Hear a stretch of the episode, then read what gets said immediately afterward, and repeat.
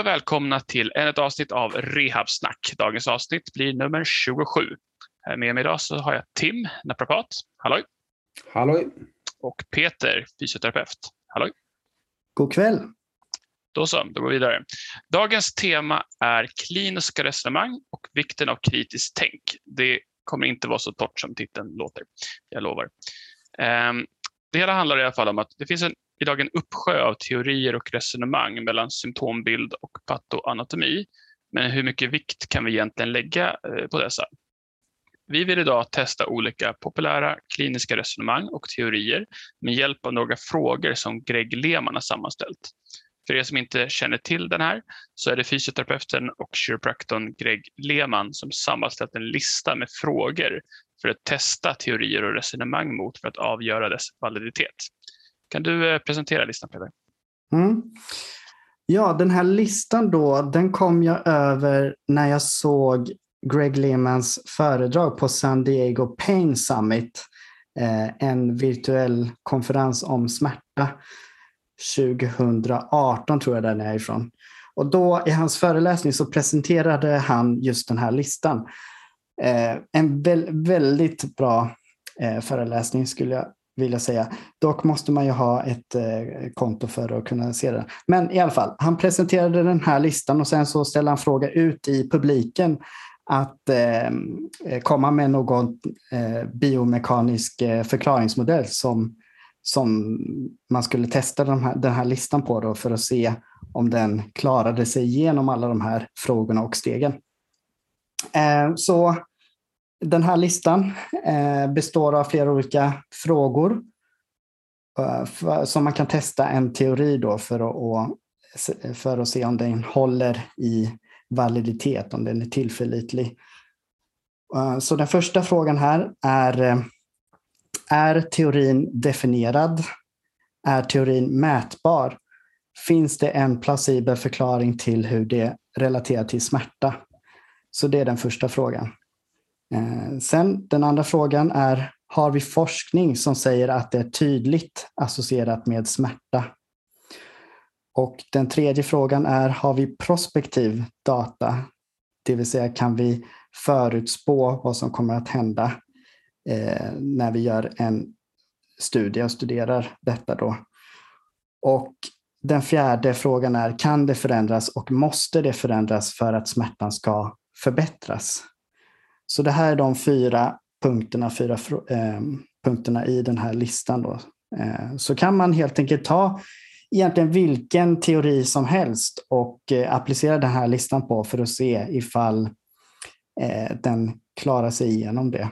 Och mm. eh, som Daniel nämnde då i introduktionen så finns ju en, en uppsjö av många olika teorier som florerar inom våra eh, professioner.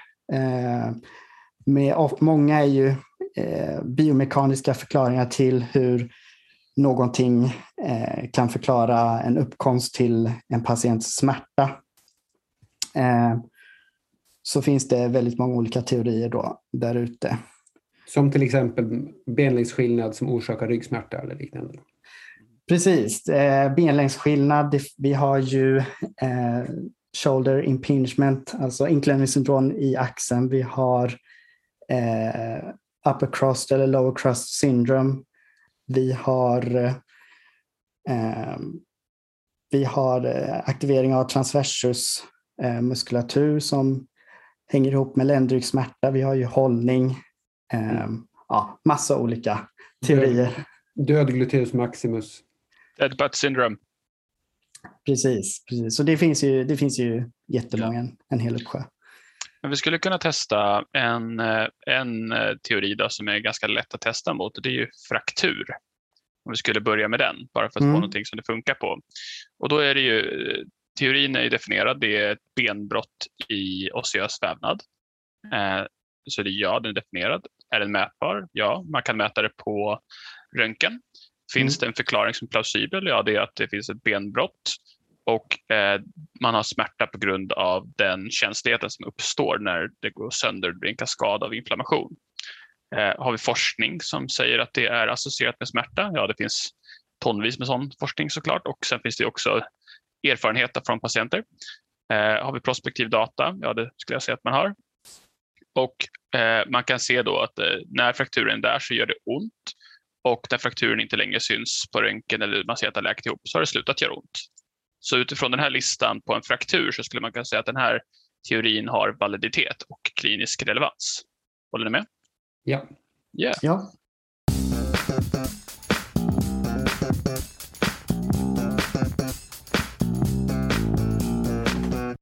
Men då går vi vidare till eh, kanske det första vi har valt eh, och det var det här som Peter nämnde, benlängdsskillnad som orsakar ryggsmärta. Och då går vi till första. Kan man, kan man definiera en eh, benlängdsskillnad? Det, Det kan man. kan man göra. Det går ju att mäta den på olika sätt. Eh, Man kan ju mäta den från knä till eh, malleol, man kan mäta den från höften och ner, man kan mäta skillnad mellan benen. Det finns ju många sätt att definiera det på, men, men det går att definiera. Så på det viset så går det igenom. Mm. Är det plausibelt? Kan man säga att, att det är logiskt att om du har en, en benlängdsskillnad så skulle det kunna ge ett dysfunktionellt rörelsemönster?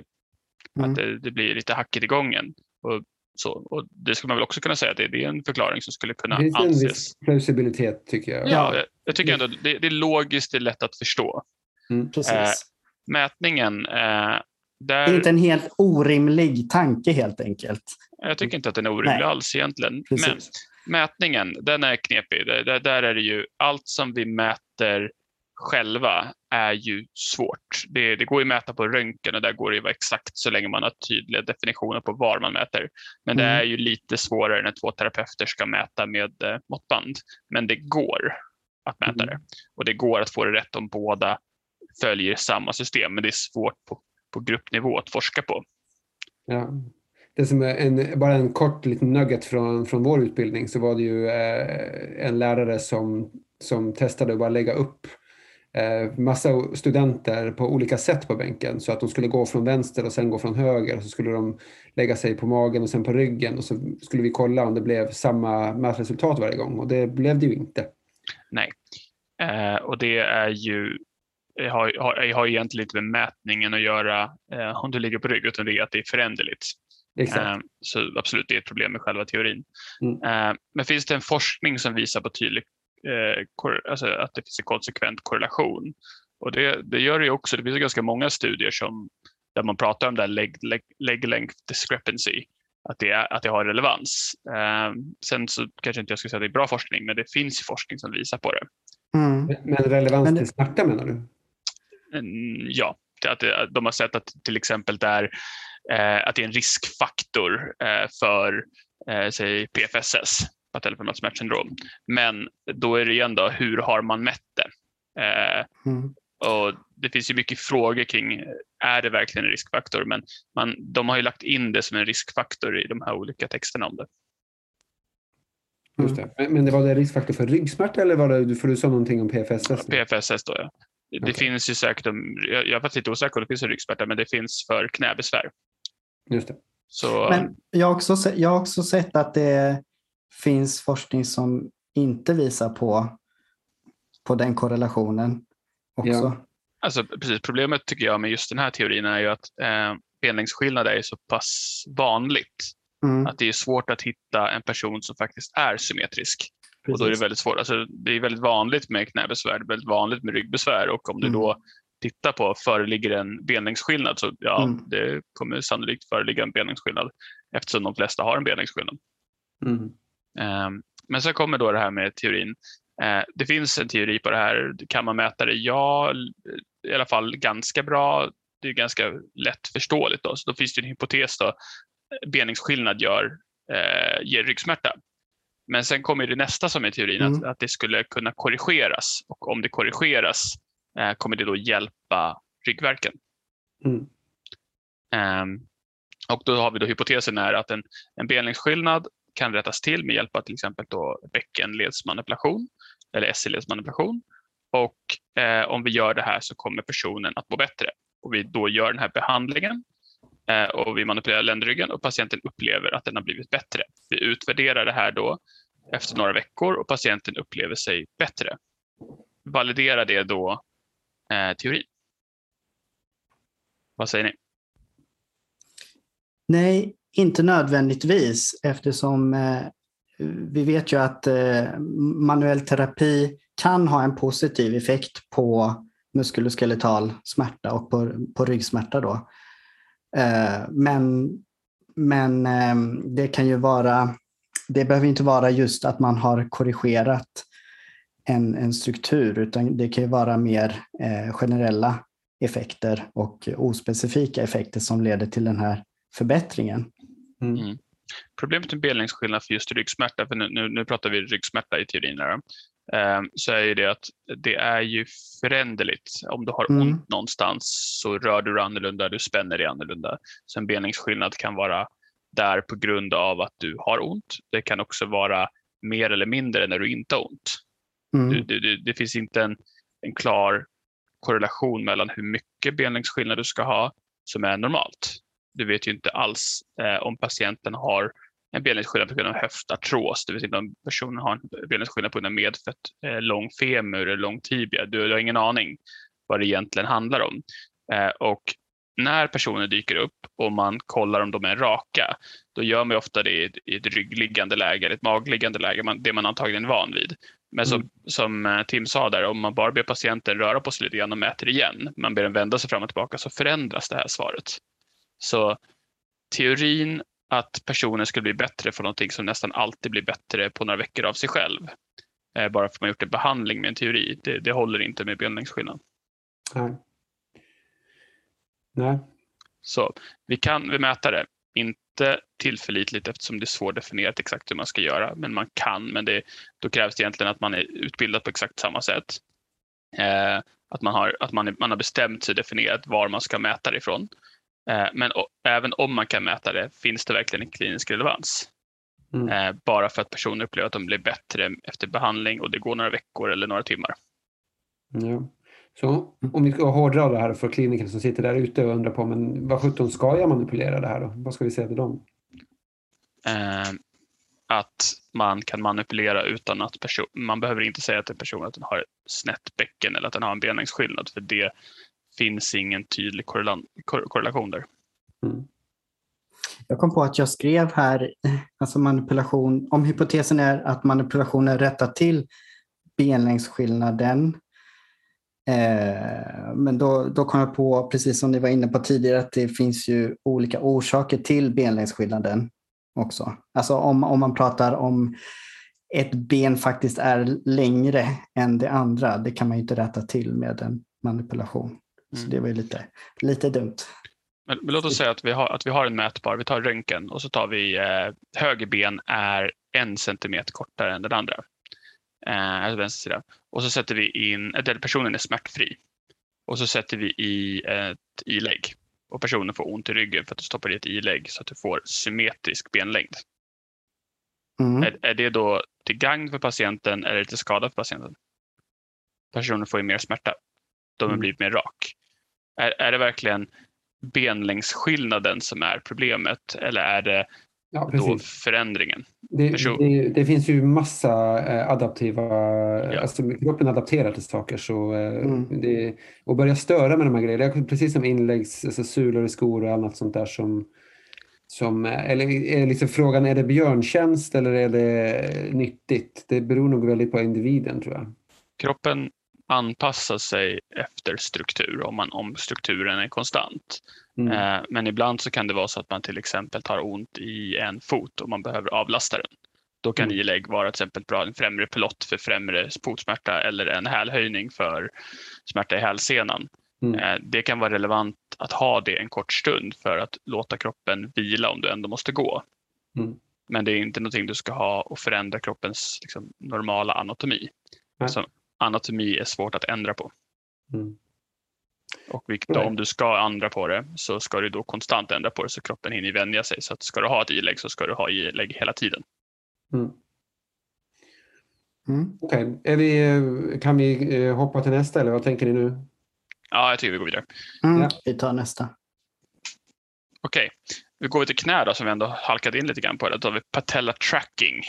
Där teorin då är att knävalgus leder till främre knäsmärta. Skulle ni säga att det är definierat?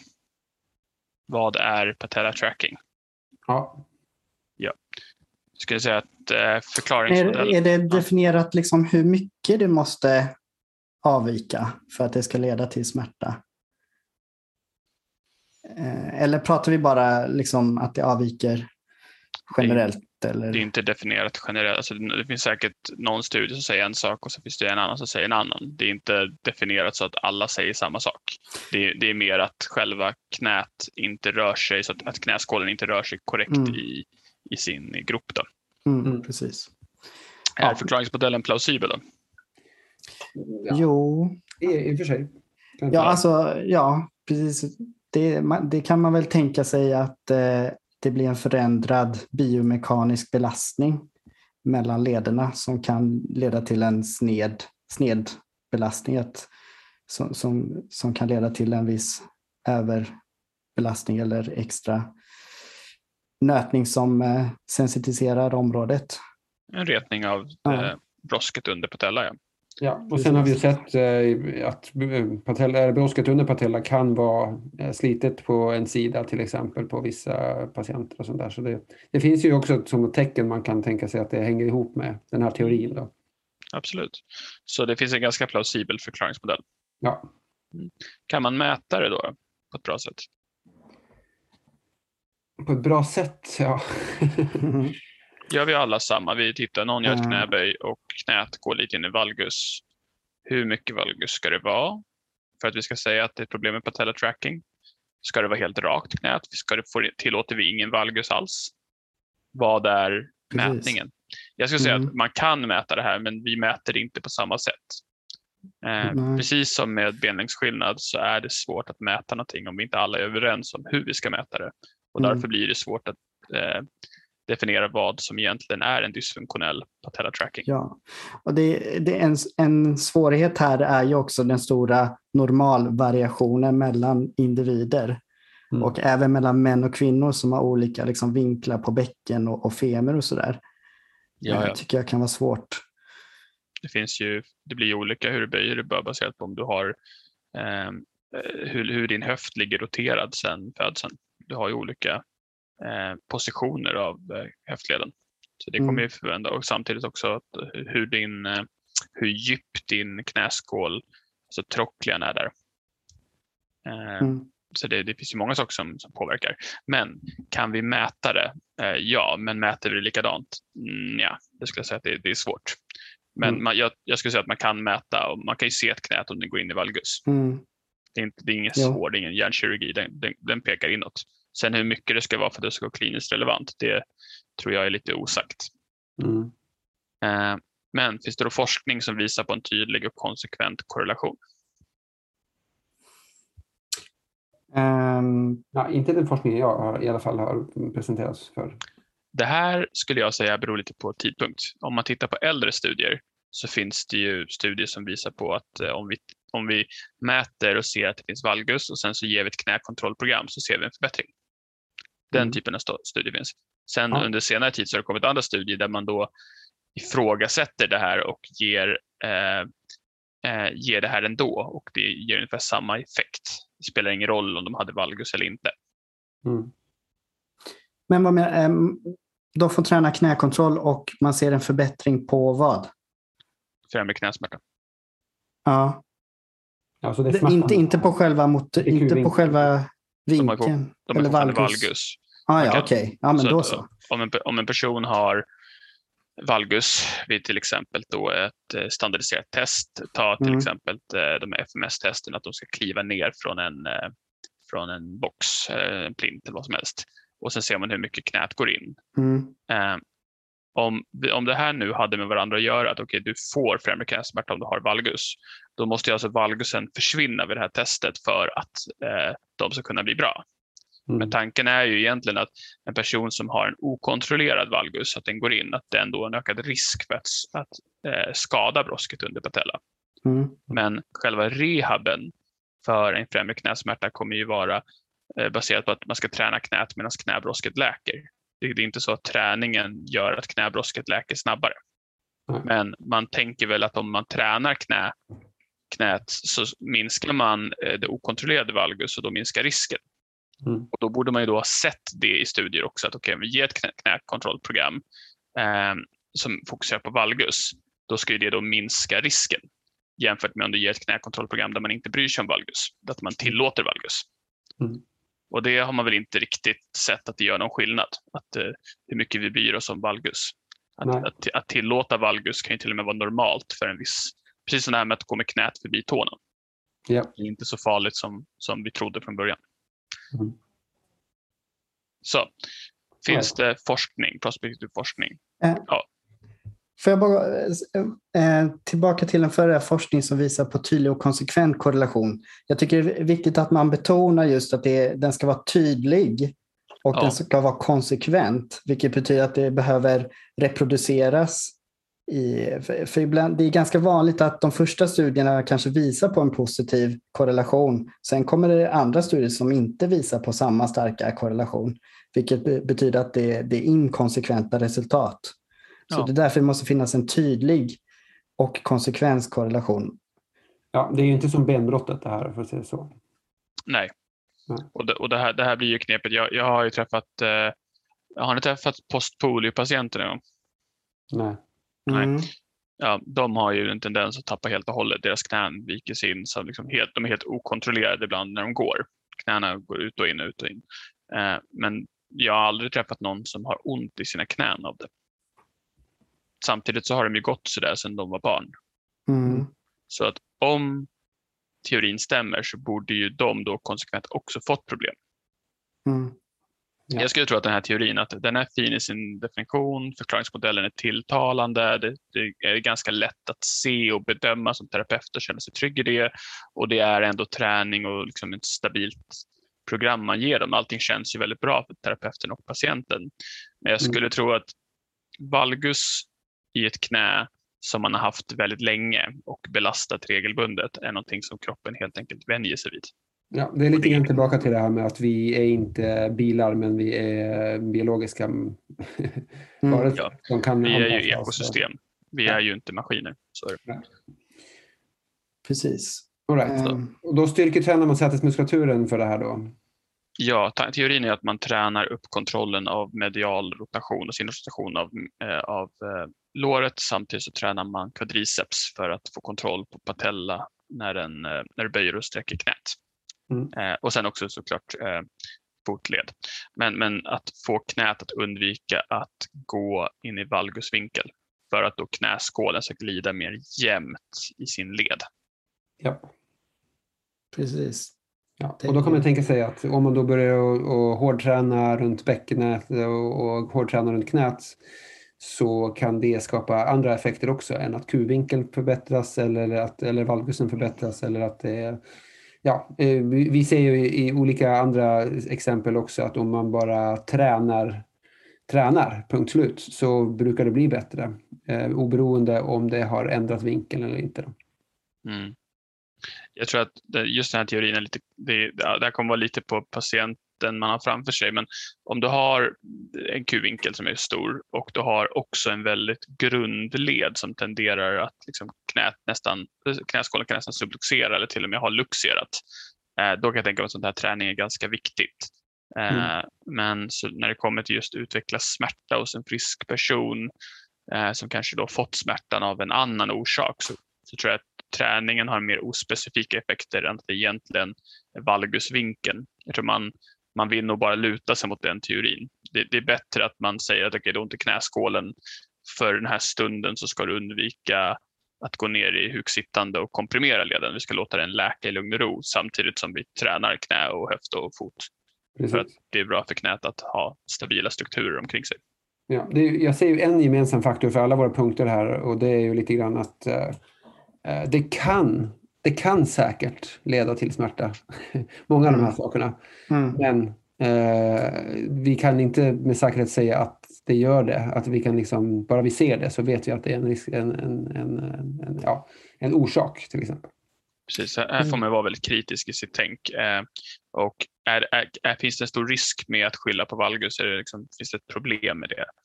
Mm. Jag, jag, kan inte riktigt se att det här skulle leda till något stort problem. Det här är inte som att säga att folk ska gå runt och bracea ryggen för att skydda en skör ryggrad. Utan vi pratar om att egentligen gör, gör folk kroppsmedvetna om att träna lår och höft. Ja. Eh, och att liksom ha lite kontroll på det de gör. Mm. Eh, och jag tror absolut att för vissa patienter är det dem till gagn att faktiskt eh, undvika viss kuvinkel och hos de flesta så spelar det verkligen ingen roll. Ja, håller med.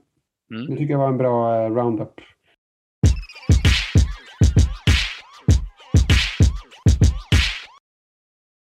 Okej, okay. presentera, presentera du nästa då. Vem är du? Jag tar Tim. ja, subakromial impingement. Um, det är ju gamla goda teorin om att det blir trångt i axeln och när vi lyfter armen så uh, nyps det till och så um, gör det ont helt enkelt. Um, ja, det klämmer på strukturerna eller senorna, uh, rotatorkuffsenorna. Um, och um, det här är väl en av de som är absolut definierat tycker jag. Alltså en bra definierad grej. Det, vi lyfter, det kläms, det känns någon form av plausibelt också. När, man, när, vi hörde, när jag hörde det i skolan så lät det ganska självklart att ja, men det där måste ju göra ont. Liksom. Bara som, mm. som en ytlig förklaring liksom, så mm. låter ju, lät det plausibelt. Eh, har ni några invändningar? Ja, alltså det finns ju invändningar mot det här att det skulle vara placibelt eftersom att eh, det finns ju andra leder som hela tiden kläms in men där har vi ingen smärta. Alltså om man jämför med, med, med, knät eller armbågen. Eller... Men, men jag förstår vad du menar att, att eh, det, det kan... På ytan ser det plausibelt. Ja, på, på ytan ja. ja, jo, ja. precis. Uh, och mätningen uh, valid och reliabel här då? Mm. Ja, där, där har vi ju både röntgenmätningar och eh, eh, kliniska kliniska men också att man går in med en kamera makroskopiskt och tittar. det finns ju mm. olika sätt att mäta det men om vi, om vi tänker sig just för rehab då, då, så är det ju svårt att mäta det eh, med tester. Man, kan egentligen mm. mest göra tester där man ser att okay, vid de här positionerna av armen så är det extra trångt subakromiellt. Då. Mm. Eh, och då gör det ont då, och då vet vi att smärtan troligtvis kommer någonstans från det subakromiella rummet. Mm. Men Um, mätning av hur trångt det är, det är ju då röntgen eller mm. ultraljud. Ja. Uh, och där kan man ju mäta det väldigt exakt så länge man är överens om vart man mäter punkterna. Men, men det skulle jag säga att man är.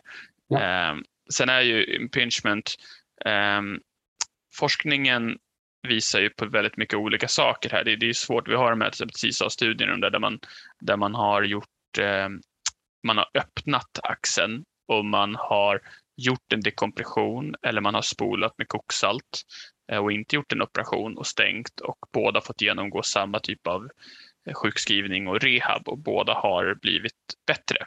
Och det har inte mm. varit någon större skillnad mellan grupperna. Och det här vänder lite grann upp och ner på, på den här teorin att eh, impingement skulle vara relevant, att det inte egentligen är en inklämning. Um, så forskningen skulle jag säga att den, den eh, visar ingen tydlig och konsekvenskorrelation. Ja, men det kan ju vara så här att eh, att klämma på det där gör ont, men det kanske inte är det som är orsaken. Mm. Man kan diskutera impingement i, i dagar, men, men impingement är ju knepigt. för Ibland när man pratar om det här så är folk så eh, polariserade på något vis. Det, det, subakromiell eh, smärta kan orsakas av en känslig sena. Det kan mm. orsakas av en känslig slemsäck. Det kan orsakas av en förkalkning i en sena eller en förkalkning i en slemsäck. Mm. Det kan orsakas av en mängd olika saker. En del personer har ont fast de har ett gott utrymme där för att det gör så pass ont i senorna att det alltid är klämt på en till en viss grad. Och när det klämmer där så får de ont och då är det ju en impingement men det orsakas inte av att det är trångt. Hos andra så kommer det finnas uttalad till exempel aceledsaartros med en kaudal eh, pålagring så att det liksom trycker ihop hela utrymmet så att det kan finnas osteofyter som skär i senor och som trycker på slemsäckar. Och, och då skulle jag definitivt säga att teorin är både plausibel, mätbar och definier, alltså definierbar. Då. Eh, mm. Att subakromiell smärta eller inklämningssyndrom existerar i allra högsta grad. Men kanske inte till den graden som vi ställer diagnoserna i klinik. För vi ställer ju dem utifrån, är det trångt? Ja. Eh, och eh, ska vi då öppna upp det här lite grann så att det klämmer lite mindre. Och det har vi inte sett hjälper. Men... Ja, kan man säga så att det, det, är väl, det är väl, om vi hade kallat det för subakromial trånghet istället för impingement så hade det kanske varit lite lättare att diskutera. För impingement är liksom, eh, vadå inklämning? Det är ju en normal händelse. Så, så det, det är väl det som gör just ordet impingement så dåligt egentligen. Eh, det är inte ja. det att det aldrig är impingement eller att det alltid är det. Det, det, det, mm. det händer att det klämmer i axeln. Men det, om det beror på att det är trångt eller inte, det, för det är det vi försöker åtgärda. Så det är väl där eh, teorin kanske faller mer tydligt. Jag tror att det, just med axel impingement så är det en, det är en stridighet mellan de som tycker om att jobba med axlar men tycker att det är väldigt svårt och de har hittat det här eh, lite eh, livbojen att hålla i. Det är en väldigt skön förklaringsmodell att kunna ge till patienter. Det är väldigt skönt att luta sig mot det. Och sen mm. de som inte kanske är så vassa på axlar men också då har läst de här nya studierna och känner sig väldigt smarta för att de läst dem. Sanningen är ju någonstans att det är mer komplext än den här teorin ger sken av. Det, ja. om det kan finnas inklämningssyndrom och oftast nej, det orsakas inte av det utan det orsakas av andra strukturer, tendinopatier eller mm. smärtsamma mm. eh, slemsäckar eller vad det än må vara. Eh, men, men ibland så kommer vi inte lyckas med rehab och de kommer ha nytta av en eh, dekompression. Men oftast eh, inte. Och det, det, här ser jag hela tiden. Det här är det jag jobbar mest med. Eh, och man, man bör ju tömma ut alla andra resurser innan man gör en operation. För det finns ju risker både för komplikationer men också att kunna få till exempel frozen shoulder vilket är väldigt jobbigt.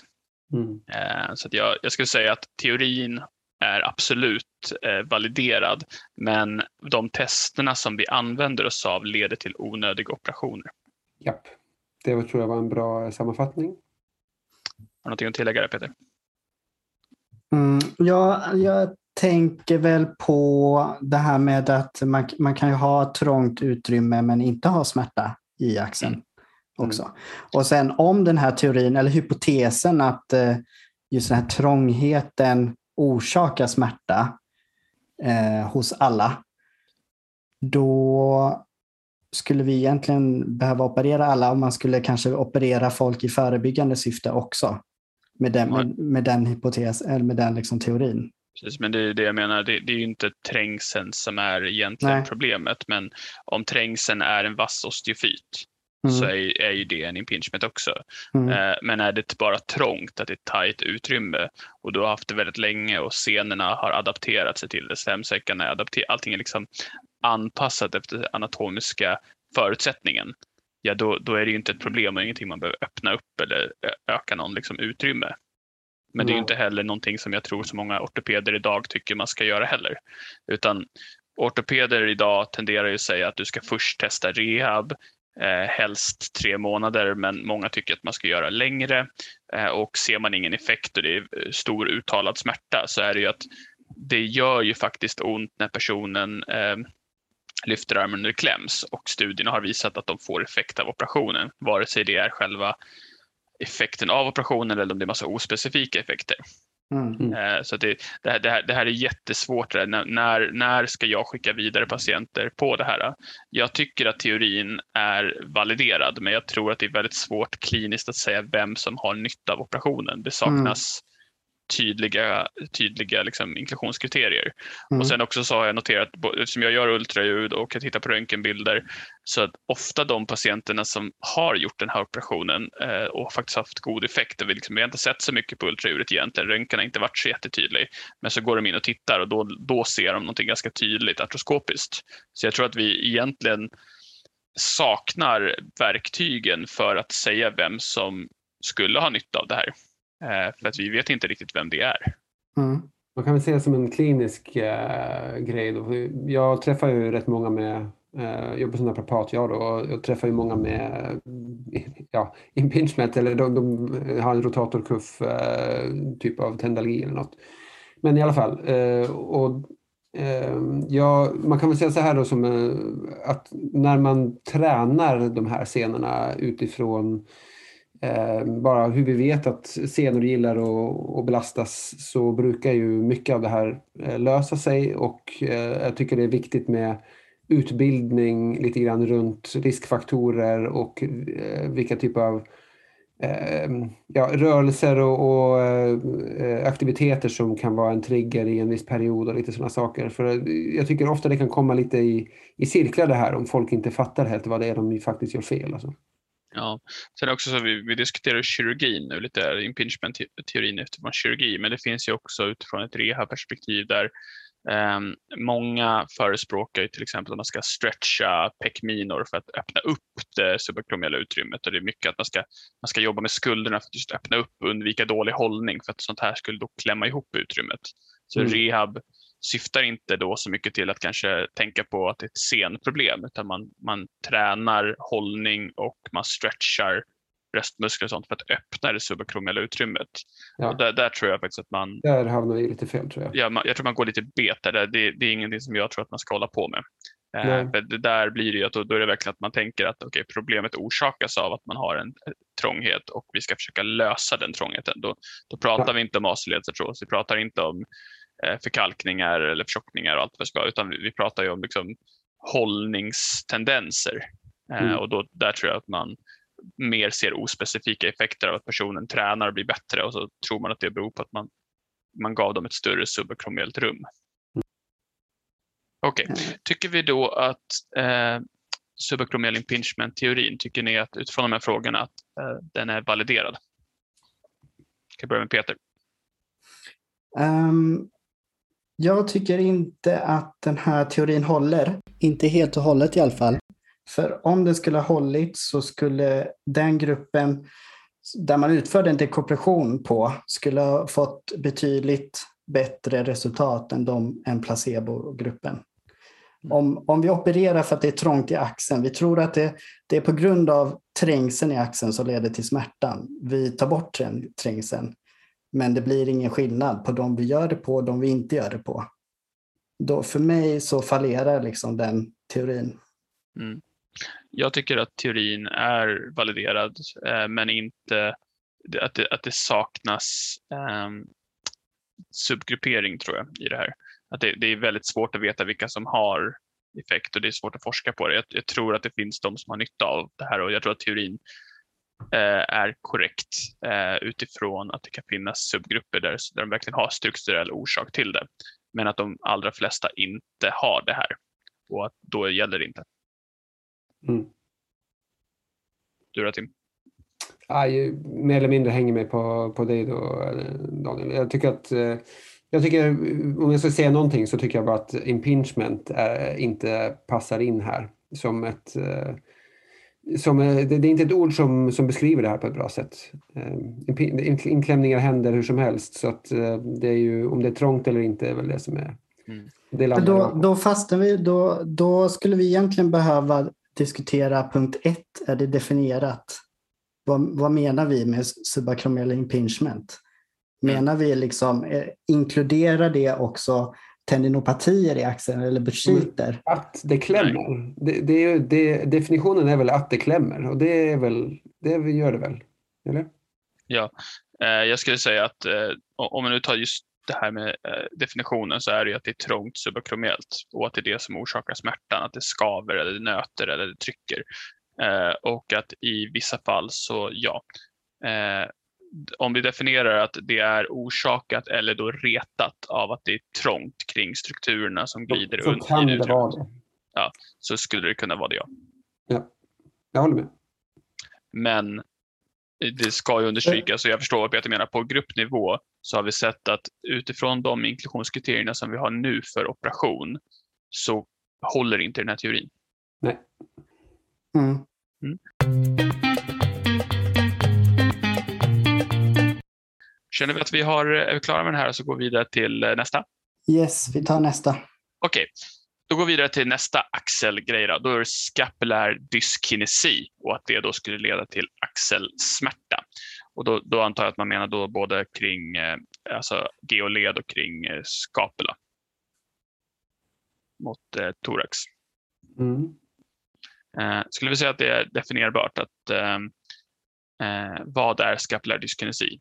Är vi överens om vad det är allihopa? Jag är lite tveksam på den faktiskt. Alltså jag förstår ju att eh, det, man jämför med, det, det är ju ett avvikande rörelsemönster liksom, som man kan se.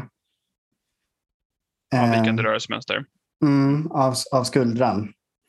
Som då skulle leda till smärta i, i axeln.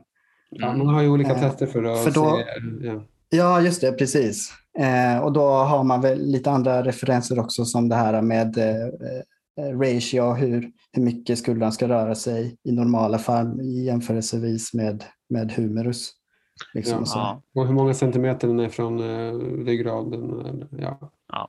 Det finns väl egentligen det finns två definitioner vad jag vet. Det ena är hur den rör sig liksom i rummet själv och sen hur det rör sig kontra andra sidan. Där finns det en asymmetri att när du lyfter ja, axlarna upp så finns det en skillnad mellan vänster och höger sida. Eh, det är en skapulär dyskinesi. Det andra är att du tycker att du tittar på höger när du abducerar eller flekterar. Eh, ser det konstigt ut? Ja, nej. Eh, är det normalt? Ja, nej. Alltså det, jag tror att definitionen av det här egentligen att det är ett, ett avvikande rörelsemönster från det normala. Det är väl det som är dyskinesi. Mm. Så jag skulle säga att det, det är definierat men det, det är ju inte en konsensus kring vad, hur mycket det ska vara för att det ska vara en dyskinesi och inte bara normalt. Mm. Är, det, är det en plausibel förklaring då? då? Att du har dålig kontroll på skapula och då skulle du då få besvär. Uh, den, den I extrema fall. Ja. ja, jag vet inte. Alltså jag tycker att det finns personer som får till exempel en pares eh, av eh, Seratus där, där de får vingskapla. Jag har inte riktigt sett att de personerna på något vis skulle ha mycket mer besvär med sin axel. Eh, de har inte, de har inte, det, blir, det blir förändringar i funktion men att de skulle ha mer smärta än jag inte sett någon gång faktiskt. Jag skulle säga att i min erfarenhet så är den kanske mer relevanta äkta skapulära dyskinesin handlar mer om att det är på grund av att man har ont. Så när man försöker att lyfta armen förbi 90 grader så, så eh, man är så van att få ont då så man, man lyfter armen eller, eller skaplar rör sig annorlunda på grund av det och bromsar hela rörelsen mer än någonting annat. Mm. Och att eh, klarar man att få patienten att eh, unlocka det där, alltså det vill säga att, att få dem att, att slappna av bättre. Och, och jag, brukar, jag brukar få dem att, att svänga upp armarna eh, och de tror jag är galen i huvudet för jag ser att de ska göra det ganska fort också. Men det brukar gå rätt så bra för dem att bara liksom pendla upp armen, hämta fart och köra upp den i full fart. Eh, för då, har, då liksom kringgår man någon form av eh, bromsmönster. Men det, det, här blir lite definieringen, alltså skapulär dyskinesi. Det låter som det du pratar om lite med att de gör en hiking. Alltså när de, de, de lyfter upp axeln istället för lyfter upp överarmen. Ja, uh, jo, absolut. Det kan de göra. Men det, här är ju smärtbeteenden. Det kan ja. ju vara en hiking, men det behöver inte alls vara det. Det kan vara bara att romberna släpper inte. Ja. De försöker lyfta armen, men de fryser fast. Ja, jo, och det här är det som är så svårt med definiering och mätningen också. Kan vi mäta det? Ja, vi har inte sett att två terapeuter är bra på att mäta samma patient och ännu mindre tio terapeuter som mäter samma patient. Alltså det, jag mm. minns när vi gick de här kurserna och vi tittade på det här och vi, vi alla tittade och letade efter svaret och sen kom någon lärare och sa exakt hur det var. Det lät ju logiskt men hade jag och fem andra erfarna axelinriktade tittat på det så hade vi säkert sagt lite olika. Mm. Eh, jag skulle inte säga att det är lätt att mäta. Eh, jag tror att förklaringsmodellen att skapulas rörelsemönster, att, att du måste ha en stabil eh, skapula som rör sig på ett liksom, kongruent sätt, att det inte rycker, inte vibrerar, inte liksom vingar lite grann. Det, det, är lite samma felaktigt tänk som att man behöver ha en stabil core och en stabil bäckenbotten när man böjer sig framåt. Ja. Eh, jag tror att skapulär dyskinesi eh, kanske är relevant om man har ett väldigt höga krav. Mm. Att det är bra att ha en stabil grund när man till exempel har kastidrotter. Men mm. man har tittat på det här i forskning och sett att eh, det är relevant på väldigt hög nivå av baseball. Men man kunde inte hitta samma relevans för baseball på college-nivå, men man kunde hitta det på NBA-nivå. Mm. Eh, och det, det, tycker jag är intressant, att liksom vad, hur mycket krav är, är, det liksom simmare som behöver ha bra kontroll på dem eller kastare? Eller vad är det som egentligen... Det, våra patienter som kommer in generellt sett har inte så höga krav på sina axlar. Det kanske är lite grann det som är hela problemet ibland. Eh, att man då mäter någonting som vi inte kan se någon tydlig koppling i forskningen. Nej, jag, jag, jag är tveksam. Ja. Eh, och då finns det, kommer vi till två, då finns det forskning som visar en konsekvent korrelation. Nej, det Nej. finns inte det. Och eh, när vi då gör rehab av det här, eh, behöver det här förändras för att smärtan ska försvinna? Nej. Det, det, det här är en teori som liksom inte alls går igenom den här listan. Eh, det, så jag skulle säga, ja, det, det, här, det här förkastar jag väl ganska rejält. Sen kliniskt igen då, eh, så tycker jag att man kan, när man lägger vikter, om en person har mycket besvär med axeln kring skulderbladen och sådär och man, man kan se att de har problem med hur de rör det, så kanske man inte behöver gå på just hur, de rör, hur mönstret är, men att, att ändå fokusera rehabträning på skapulatorokala eh, stabiliteten är inte felaktigt om de har ont kring skapula och kring eh, mellan eh, ryggraden och skapula. Ja. Det är liksom inget problem att träna axeln där, men man kanske inte behöver mäta och säga att det är rörelsemönstret vi jobbar efter eller jobbar mot. Mm. Gå, gå vidare eller har något att tillägga? Eh, jag vill bara fortsätta på det du sa där, för jag tycker det är viktigt att poängtera att det betyder ju inte att vi ska sluta träna skulderövningar eller stabiliserande övningar. Egentligen, det kan vi fortsätta göra. Eh, Men det betyder också att vi, vi, vi måste inte träna bara sådana övningar, vi kan träna andra övningar också. Ja, Eh, Och det betyder att, att träning är, är troligtvis bra för de här patienterna. Mm. ja. Det, det är eh, exakt så jag tänker också. Att, men men när, jag, när jag har dem så brukar jag... Det, det, de, det är omöjligt, det här brukar jag säga till patienter när, när de pratar, för de har haft det här lite tidigare ibland. Så det är omöjligt att inte träna stabilitet av skulderblad när du tränar din axel. Mm. För att axeln är ju skulderbladet som sitter uppe i överarmen. Det är något som alla patienter och inte ens terapeuter verkar alltid riktigt ha greppat det där. De tänker att de tränar axel så tränar de skulderblad, men skulderbladet är ju axeln. Mm. Hur ska du kunna träna överarmen om inte du samtidigt tränar skulderbladet? Precis. Och man kanske inte behöver fastna så mycket vid små rörelser och är det stabilt eller inte eller hur rör det sig utan man kan fokusera på vad är liksom syftet, vad är slutmålet, vad är funktionen med, med Ja. träningen. Alltså en gradvis ökande styrketräning kontra hur mycket de tål. Eh, får de ont av träningen du ger dem, sänk lite grann. Det, är okej att träna med smärta, men det får inte, det får inte bli värre efteråt. Eh, om du hela tiden gradvis stegrar belastning på axeln i olika plan så tenderar det att bli bra. Det är inte så mycket mer komplicerat än så. Mm. Mm. Okej, då har vi Ja. sista då. Ja, vi ska avrunda där. Mhm. Vi, kan, vi kan ta en paus. Eller eh, jag klipper bort detta sen. Ja, okej. Nej, men eh, vad heter det? Det är väl, bra om vi avrundar nu. Eh, För det börjar Okej. dra, dra iväg på tiden. kan vi göra. Vi- ska få till lite avslutande tankar också. Japp, jag håller med. Mm. Ja, kör, kör, kör du Daniel. Börja ska avrunda.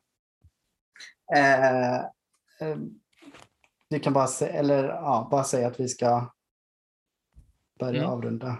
Okej. Och avslutande tankar eller sammanfattning. Sammanfatta det lite på något sätt. Mm. Ja, vi kan väl Får vi fråga, åt. vi kan väl se lite så här, vad är kliniska nuggets här då och vad ska vi ta Mm. ut från det här? Precis. Ja. Exakt. Mm. Okej, men då känns det som att vi har som vanligt dragit iväg. Vi kan aldrig hålla oss till manus. Ehm, vi har ju då under dagens avsnitt pratat utifrån den här listan och tagit lite exempel på ehm, att testa teorier. Och, och som ni märker så de, de, här, det här, de här testerna är ju svåra att eh, få igenom en teori helt och hållet på. Man är ju inte riktigt överens eh, ens om man är liktänkande, så det här är ju svårt. Men det är ju ändå viktigt att man stannar upp och funderar kring de här teorierna man har, resonemangen. Och liksom, är det verkligen korrekt? Eh, Mm, ja. behöver man ha de här för att fortsätta jobba lite liknande som man redan gör? Slösar man egentligen mest tid och belyser eh, irrelevanta saker för patienten när man, när man letar efter till exempel dyskinesi eller när man tittar på patella tracking slösar vi tid och Mm. blir fokus på fel sak. Ja, och sannolikt gör vi ju det med tanke på no några av de här punkterna vi diskuterat. Ehm, men så var vi ju inne på det här att eh, jag tror väl egentligen alla, förutom just skaplig dyskinesi så kan vi väl nästan säga att ja, det kan nog i vissa fall vara eh, valid helt enkelt. För vissa patienter, för vissa subgrupper så borde det, eh, det, det låter rimligt att det skulle kunna vara ett problem och skapa smärta för vissa. Ehm, Så, men problemet som du är inne på här är ju det här generaliseringen och att det leder till eh, överbehandlingar och fel resonemang och eh, allt vad det nu inte leder till. Då. Precis, det, det var väl det jag tänkte på gällande subakromel impingement. Mm. Så även fast eh, vi eh, diskuterar lite där så tror jag ändå att vi är överens om den delen. Mm. Ja, absolut. Uh, ja, det jag skulle vilja lägga till också i, i det här som uh, i, slutet är att uh, i många fall när man också kollar på andra faktorer, hur, hur de relaterar till smärtan, till axelsmärtan eller till knäsmärtan, så finns det ju andra faktorer som kan ha en starkare korrelation än det här rent biomekaniska. Så där har man ju sett att det kan finnas psykosociala faktorer till exempel, eller genetiska eller eh, ja, eh, många olika andra faktorer som kan ha ett eh, starkare eh, korrelation till, till smärtan än just den biomekaniska teorin eller en asymmetri eller sådär. Mm. Och det är väl ett, om vi säger så här då, som jag har förstått av och med lite fågelperspektiv så är det väl fortfarande svårt att förstå hur det egentligen hänger ihop. Det här alltså med psykosociala faktorer och smärta. Men att vi ser ganska tydliga korrelationer. Eh, i, speciellt i vissa, alltså ländryggsmärta är ju en, ett gott exempel på det. Um, och eh, jag som då försöker jobba mycket med på enligt biopsykosociala modellen har ju liksom gör en screening med och frågar efter stress och frågar efter eh, sömn och lite olika saker och försöker och har genom flera år nu försökt att liksom försöka och, och lista ut eh, korrelationer och, och, se någonting. Men det, mm, ja, det, det är väl som, som vi jag tror vi kommer att landa lite grann till sist att eh, med biopsykosociala saker att, att eh, det är bara jättekomplext och eh, det är bara, en, det är bara eh, delar av en stor bild som vi eh, ja, har svårt att, att, tyda och tolka för att vi har inte tillräckligt med information eller eh, i, i nuvarande tidpunkt helt enkelt. Mm. Ja, trist men sant. Trist men sant. Alltså, jag menar, till och med de här biomekaniska, relativt enkla grejerna klarar vi inte att få igenom en sån här test. Så att börja förstå hur 20 faktorer till ska påverka smärta, det, det blir svårt helt enkelt. Ja, jag skulle säga att den här, den här listan som vi har, om vi, om vi skulle sätta den på många av de psykosociala förklaringsmodellerna så faller de nog rätt snabbt också. Absolut. Mm. det, det, betyder ju inte att de inte stämmer. Nej, det var, det var en bra slutkläm. Mm. Då så, ska vi avsluta för idag grabbar? Ja. Så fortsätter Gör vi det, så glöm inte kritiskt tänkande är viktigt. Men ödmjukt, ödmjukt förhållande. Ja, alltid bra. Okej, Och så tack för att ni har följt oss och äh, glöm inte att äh, tipsa om oss till en äh, god vän. Precis, och följ oss på Facebook och Instagram och allt sånt. Bra. Ha det bra. Hej. Trevlig kväll grabbar. Hej då. Hej då.